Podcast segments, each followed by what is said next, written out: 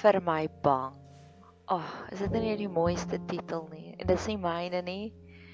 Dis 'n vriendin van my wat gisteraand vir my gesê het, bid vir my bang. Ag. Oh, en sy het hierdie vermoë. Dis een van haar baie spesiale eienskappe. Sy gee vir alles die cuteste titels, nê? So sy noem my haar pink thing. Sy noem hulle hulle kas met al hulle wyne die Shabeen. Sy noem die kas met al die die chippies in, die sinbin. Sy het hierdie cute, sy het hierdie vermoë om hierdie mooiste titels op dit te sit en bid vir my bang.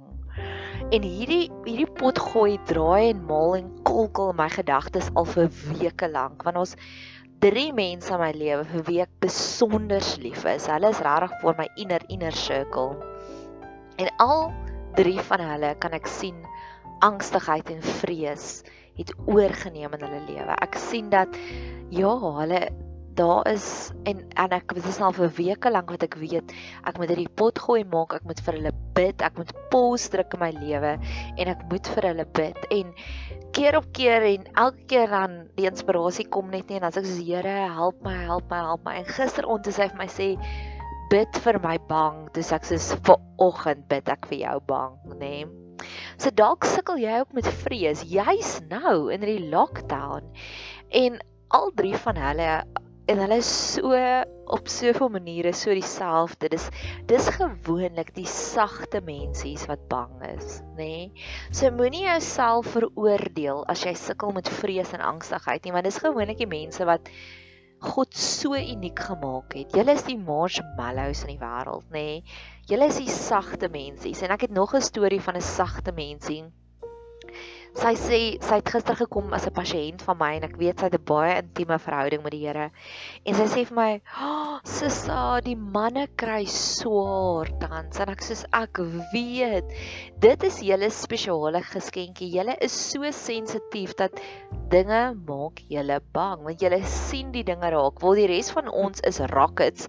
Ons vlieg net oor almal anders se eie raak en ons worry net oor ons eie egos en ons bou ons eie torings en bubbles. En dis hoekom ons ons nie so maklik sukkel met stres nie want ons vlieg net oor dit. Ons maak 'n plan en die Here het julle so uniek gemaak want almal van hulle, al drie van hulle is so dieselfde en hulle al drie is van my gunsteling plekkies om by te wees. Hulle hulle skep hierdie sanctuaries, nê, wat jy voel net so veilig. Selfs al jaag ek die grootste nonsens aan, die enetjie sal altyd vir my sê, "Maar Nadia, dis so cool."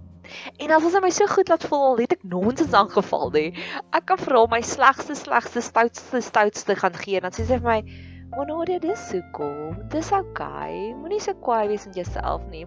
Of die ander enetjie, die een wat vir my gesê het, "Bid vir my bang." Sal keer op keer met my sê want dan sal ek vir sê dan sal sy vir my 'n mooi pot gooi stuur 'n mooi podcast waarna ek luister dan sal ek vir terugstuur. Ek wil soveel ek wil dit doen vandag. Hierdie is my lang to do lysie. As ek klaar is met alles gaan ek myself beloon met dit wat jy vir my gegee het. En dan raas sy my sê my Nadia gee jouself 'n bietjie meer grace. Gee vir jouself die beloning voor die tyd. Hoekom moet jy eers hard werk daarvoor? En ek love dit. Of die laaste een aan wie ek hierdie en ek het ek het gisteraand het ek 'n CD gesien van Jan Blom en hy daarbo al die bedankings sal doen en toe onderaan toe sê hy hierdie is opgedra vir en dit het my so diep aangeraak soos boeke wat opgedra is aan mense. So hierdie potgooi is opgedra vir hierdie drie mense. Die laaste een is so sensitief gedurende die lockdown. Nou hy is 'n pluggie. He's a stickler for the rules, nê. Nee. So ek het in die begin het ek so 'n bietjie hom bely o, ek kuier nog steeds in die lockdown. En alhoewel ek weet hy is so 'n stickler vir die reëls, was sy antwoord na my toe, "Maar Nadia, ek het begrip vir dit waartoe jy gaan want jy's so sosiaal en jy bly alleen dis okay, nê? Nee, so hulle is al drie hierdie mense wat my so genade spasies gee, nê? Nee. Selfs they love me warts and all, nê? Nee, en hulle hulle leer my hoe om vir my eie foute lief te raak. Om te besef dit is 'n fout en ons wil daaraan werk. En ek is op 'n heiligmakings journey, net soos wat jy ook is en heilig beteken sonder enige foute, sonder enige tekortkominge, maar hulle hulle kastei my nie in die proses nie. En en ek kan die link sien. Hulle al drie se persoonlikhede is so dieselfde, maar hulle al drie sukkel tans met intense intense vrese. En ja, so hierdie is opgedra vir die drie mense wat regtig hulle is my inner inner circle. Ek is so lief vir hierdie drie mense. Mag die Here asseblief hulle kom help met hulle bang. Bid vir my bang. So daai is my inleiding. My eerste storie wat ek het is Johannes skryf daarvan wat hy sê die perfekte liefde dryf die vrees na buite toe. So die eerste my predol vir vrees wat ons kan kry is 1 Johannes 4 vers 18. Daar is geen vrees in liefde nie, maar die volmaakte liefde dryf die vrees buite, want die vrees stryd sluit straf in. En hy wat vrees, het nie volmaak geword in liefde nie. So die beste maatprol wat jy kan drink vir vrees is die perfekte liefde. Mag die Here vir hulle hoë dosis. Ek het in die week en ek en my die die bid vir my bang vriendin het ons liefdesverhouding het begin en ek, ek bedoel dit agape liefde nie eros liefde nie het begin met ek het vir 'n prentjie gestuur van 'n skip met containers op en toe sê ek vir ek stuur vir jou 'n skip vol containers van liefde.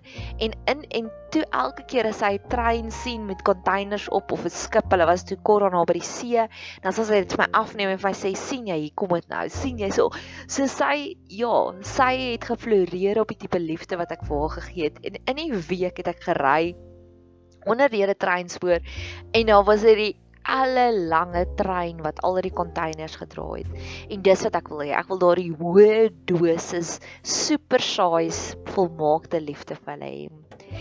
Die prentjie wat ek kry in my kop as ek dink aan volmaakte liefde, dan dink ek aan 'n seentjie wat nie bang is om in die swembad te spring nie.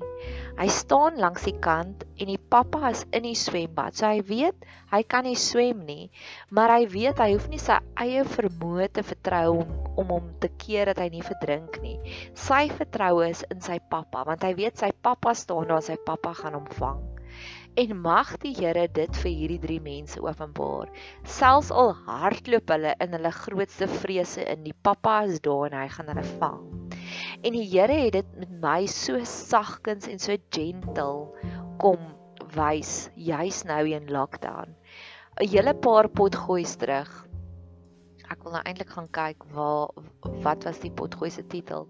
Het ek ek het begin die die heel eerste keer toe daar sprake is van dalk gaan ons in lockdown was, het ek in intense podcast gemaak om te sê Here nee, moenie dat hulle lockdown nie asseblief nie want ek werk uit vir kommissie en ek het nie 'n man nie so hoe gaan ek 'n inkomste kry? En ek het so gevrees vir hierdie lockdown want hoe gaan ek 'n maand se waai sonder 'n inkomste? Hoe gaan ek 2 maande se waai sonder 'n inkomste? En die lockdown het gekom en die lockdown het gegaan en ek kon elke maand my huur betaal en ek het kos gehad my huis En die keer toe ek moes terug gaan werk toe en ek met 'n maand se petrol vooruit betaal met nie 'n maand se inkomste nie, was daar genoeg geld in my rekening en in my U-count awards om die petrol te kom betaal. En ek het al twee keer weer salaris gekry van dit af. Die grootste ding wat ek gevrees het, het gebeur. En ek is okay. Die Here het my gevang. En dis 'n tikkie van volmaakte liefde. So mag God vir jou, vir hulle op sy unieke manier. Nie dat ek sê dat die ergste ding wat hulle voor vrees gebeur nie, want baie keer bid ons en ons bid en ons bid en die Here vat die situasie weg. Hy verander ons omstandighede. Maar ander kere bid en bid en bid ons en ons omstandighede bly dieselfde, maar hy gee vir ons hierdie innerlike sterkte en hierdie innerlike krag. So mag God asseblief vir hulle daardie perfekte liefde gee.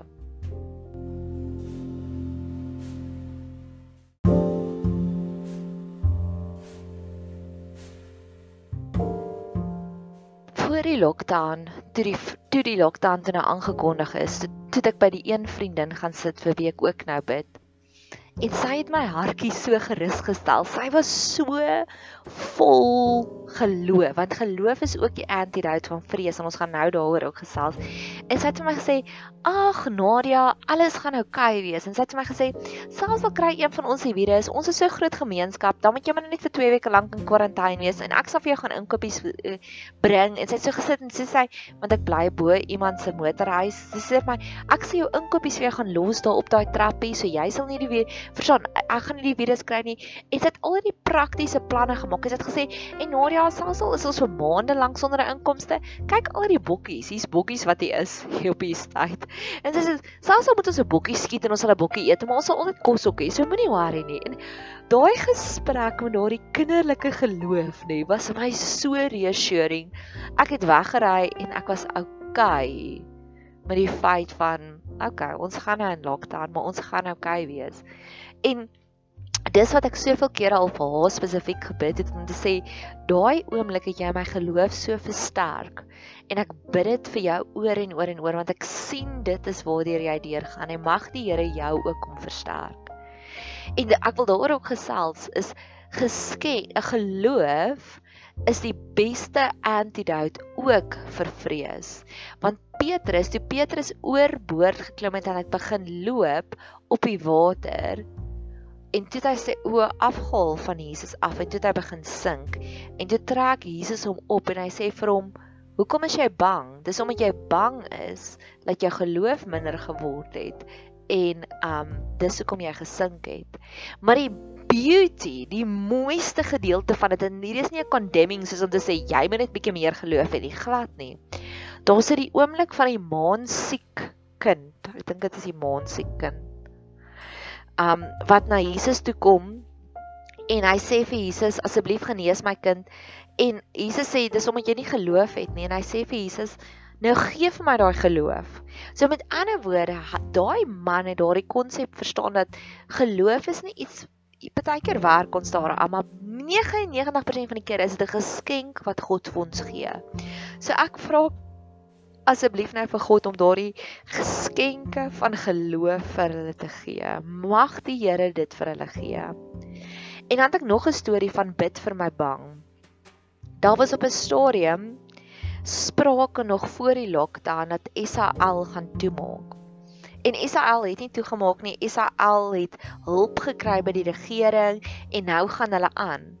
En verlede, wat is dit nou verlede week? Voor verlede week, ja, Papa Dag op Vadersdag, het daar 'n vliegtyg oorgevlieg en toe ek mooi kyk, toe sien ek 'n Israel vliegtyg. En ek het 'n foto van daai oomblik geneem om te sê ons was bang hiervoor en nou is ons deur dit in die manifestasie, die teken van hoop vlieg hier bo ons koppe. En dit was my so 'n groot oomblik en toe sê ek Here vir elke een van my vrese, gee vir my so 'n oomblik dat ek 'n foto kan neem om te sê ek het onnodige vrees daaroor. Soos die die oomblik toe ek die SAL vliegtuig gegee gesien het en mag die Here ook vir jou so kom met die jy weet soos daai wat is mythbusters nê nee? Mythbusters die reeks. Dit het vir my gevoel soos daai SAL vliegtyg wat ek gesien het, het vir my gevoel soos soos 'n mythbuster oomblik. Soos vrees, waar is jou ja, waar is jou angel? Verstaan? Kyk, hier is die vliegtyg nou, ons het niks meer om oor bang te wees nie.